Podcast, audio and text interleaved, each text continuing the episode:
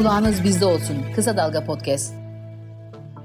Merhaba, ben İbrahim Ekinci. Kısa Dalga'nın podcast yayını Marjinal Fayda'dayız. Ekonomide neler olup bittiğine bakacağız yine.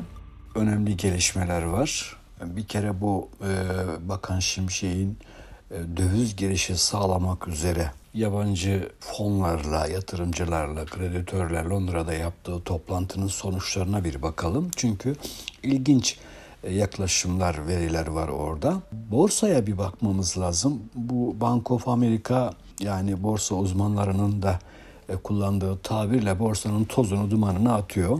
O beklenen yabancı girişi henüz söz konusu değil. Hatta son hafta bir miktar çıkış da var, yabancı çıkışı da var borsada. Ama bu yabancıların işi ilginç. Yani bir gün yüklü alım, ertesi gün yüklü satım, bir gün yüklü alım, ertesi gün yüklü satım böyle garip bir şekilde borsayla oynuyorlar havası var. Bir ona bakalım. Bir de tabii altına bakmamız lazım. Çünkü biliyorsunuz bu Hamas saldırısından sonra İsrail savaş açtı ve Gazze'yi bombalamaya başladı. Anlaşılıyor ki e, karadan da girecek. Ve tabii bu çok ciddi bir risk çünkü e, ilhaka, işgale e, dönüşebilir ve tabii İran'ı içine çekebilecek bir boyut kazanabilir. Bundan korkuluyor. Böyle zamanlarda hep altın önem taşıyor. Altın mesela düşecekken yeniden toparlandı ve hani 1800'ün altına gidecek beklenirken 1900'ün üzerine çıktı. 1930 dolarlarda altının onsu. Bir buna bakmamız lazım. Şimdi birinci konudan başlayalım isterseniz. Şimdi biliyorsunuz Türkiye'nin en büyük sorunu döviz kıtlığıdır. Bütün değişiklikler e, onun için yapılıyor, yapıldı. Erdoğan mesela biliyoruz hiç haz etmediği Şimşek'i onun için ekonominin başına getirmek zorunda kaldı. Kendisine güvenmeyen yabancı kreditörlere ya bakın işte sizin adamınızı işin başına e, geçirdim artık döviz gönderin demek istiyor. Ya onların güvenini kazanmak istiyor. Şimşek bilindiği gibi katı imefeci, ortodoks anlayışlara sahip hatta IMF'nin bile terk ettiği ölçüde e, emekçileri e, ezen bir istikrar programı anlayışına sahip ve öyle de yürütmeye başladı faizleri yükseltiyor. Ücret ve maaşların artırılmasına karşı çıkıyor. Efendim muhtemeldir ki mesela bu son 5 bin liralık bir defaya mahsus emeklilere para verilmesi işi de muhtemelen onun diretmesiyle o boyutta kaldı. Tahminim öyle. Özellikle tüketici kredilerini kısıtlıyor. Bir yandan da döviz bulmaya çalışıyor. E, toplantılar yapıyor yabancılarla. Fakat şu ana kadar sonuç yoktur. Neden derseniz çünkü yabancılar da nihai karar vericinin Erdoğan olduğunu biliyorlar. Yani onun daha önce defalarca temel politika değişiklikleri yaptığını gördüler, deneyimlediler, biliyorlar. Dolayısıyla asıl Şimşek'e değil Erdoğan'a güvenip güvenemeyeceklerini anlamaya çalışıyorlar. Bu açıdan beklemedeler, övüyorlar, teşvik ediyorlar yeni politikayı e, ama henüz hani para göndermiyorlar. Şimdi JP Morgan'ın bir toplantı sonrası açıklaması olmuştu. Bu Londra toplantısında Şimşek'in yabancılarla yaptığı toplantıdan sonra e, ilginin yüksek olduğunu belirtiyordu bu not. Tabii bu önemli yani ilgi yüksek ama ilgi zaten hep yüksek olur. Önceki bakanların toplantılarına da ilgi hep yüksekti. Türkiye büyük bir pazar vaktiyle çok karlıydı ya dolar bazında yüzde 40 kazandırdığı zamanlar oldu. Tırnak içerisinde yabancılar o güzel günlerin dönüş ihtimali yüksek bir heyecana yol açıyor tabii. Yüksek bir ilgiye yol açıyor ama asıl önemli olan yabancıların bu toplantıdan ne tür izlenimlerle kanaatlerle çıktıkları. Şimdi gazeteci Kerim Karakaya Bank of America'nın değerlendirme notlarını yazdı. Bu notlara göre toplantıda Bakan Şimşek'in Türkiye ekonomisi ve zorlukları hakkındaki şeffaflığı takdir edilmiş. Bakan açık davranmış, zorlukları anlatmış öyle anlaşılıyor. Bu da takdir görmüş.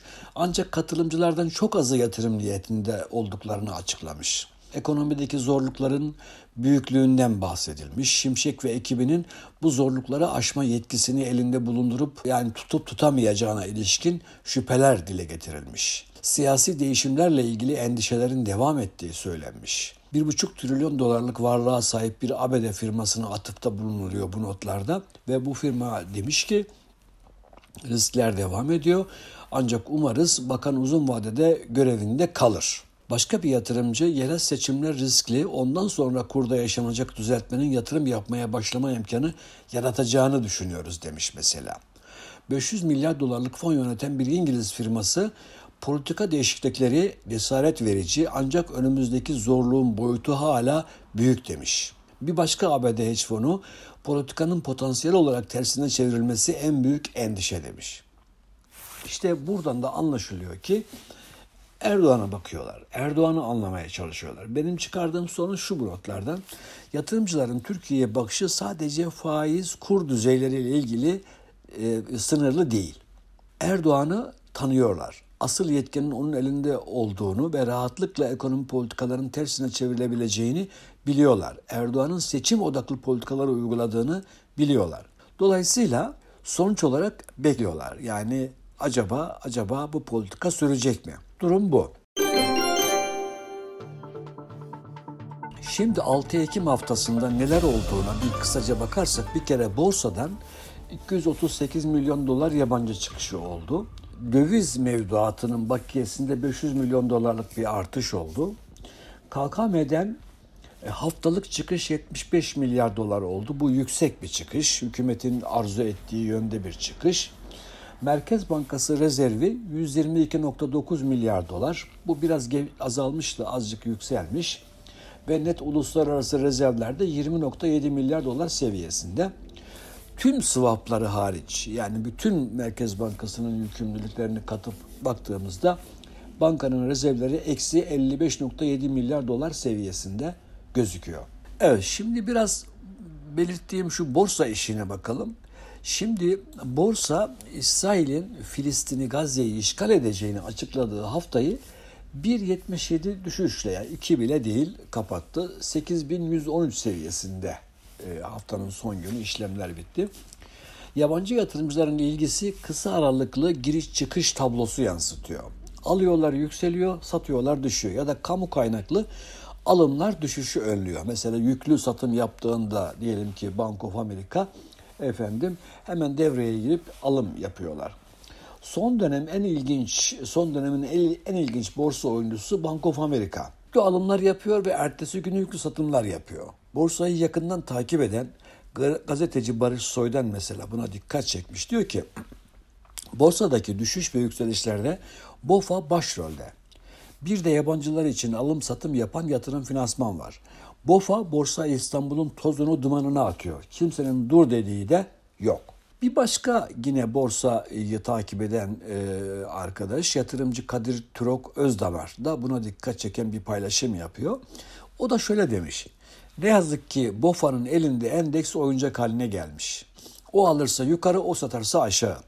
Başka oyuncu olmayınca da doğru düzgün tek başına tüm piyasayı speküle ediyor. Yapacak bir şey yok. Para onlarda, teknoloji onlarda, algoritma onlarda, güç onlarda. Öyle olunca küçük yatırımcı sadece konu mankeni gibi izliyor. Adamların hareketlerinin strateji geliştirip para kazanmaya çalışıyor. Resmen adamlar tek başına Türk borsasına yön veriyor ve herkes seyirci. Sadece izlemekçi, izlemekle yetiniyor. Durum budur. Evet borsada biraz böyle bir durum var. Buna neden bakılmaz, neden ilgilenilmez e, bilmiyorum ama tabii hükümet hani işte Bank of America yabancıdır ve yabancılar adına iş yapıyor diye ses çıkarmıyor muhtemelen. Fakat durum gerçekten sıkıntılı. Şimdi altına bakalım son olarak. Altının ons fiyatı 8000 1810 e, dolara inmişti ve analistlere göre de 1800 doların altına inmesi muhtemel görünüyordu. Fakat Hamas saldırısı sonrası İsrail'in Gazze'ye saldıracağını açıklaması, bu saldırının bir istila ilhak ihtimalini gündeme getirmesi ve bunun da bölgesel bir çatışmayı tetikleyebileceği endişeleri altına yaradı. E, düşecek denen altın 1900 dolar aştı ve 1930 doları gördü. Ekonomim gazetesinde Evrim Küçük'ün Kara Gün Dostu Altına Dönüş başlıklı bir haberi vardı. Bu olayı anlatıyor. E, haberde şöyle deniliyor. İçinde bulunduğumuz haftada Orta Doğu'da artan gerilimler sebebiyle oluşan güvenli liman ihtiyacına karşılık veren değerli metaller yukarı yönlü hareketlendi. Sadece altın değil, diğer metalleri de kastediyor. Jeopolitik riskler döneminde genellikle en iyi yatırım araçlarından biri olarak ortaya çıkan altın, altın İsrail-Hamas savaşında da primini artırdı. altın yatırımcının kara gün dostu kimliğine yine büründü. Orta Doğu'daki gerginlik ve buna eşlik eden FED kanadındaki yumuşayan söylemler ons altına bir haftada 70 dolar kazanç sağladı. Geçtiğimiz hafta 1810 dolara kadar gevşeyen fiyatlar birkaç gün içerisinde %4 artışla 1885 direnç seviyesine yaklaştı. Geçtiği 1900 doları da aştı. Fed yetkililerinin faiz oranlarının yeterince yüksek olduğunu belirtmeleri, tahvil getirilerinde düşüşleri yaşanmasına neden oldu. Bu gelişme de altını destekleyen bir başka unsur olarak karşımıza çıkıyor. Fiyatlamalar son iki haftanın en yüksek seviyelerinde gerçekleşiyor. Bunu anlamamız gerekiyor.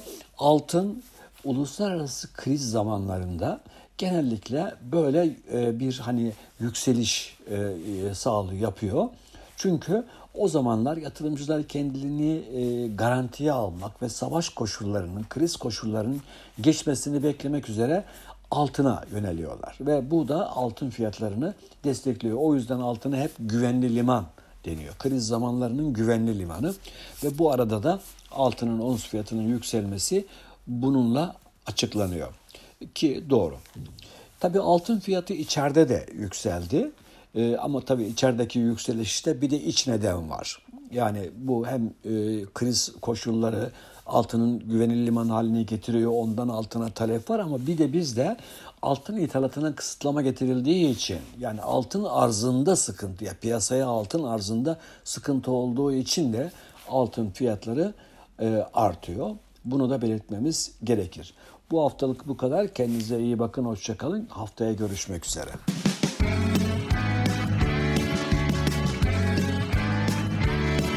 Kulağınız bizde olsun. Kısa Dalga Podcast.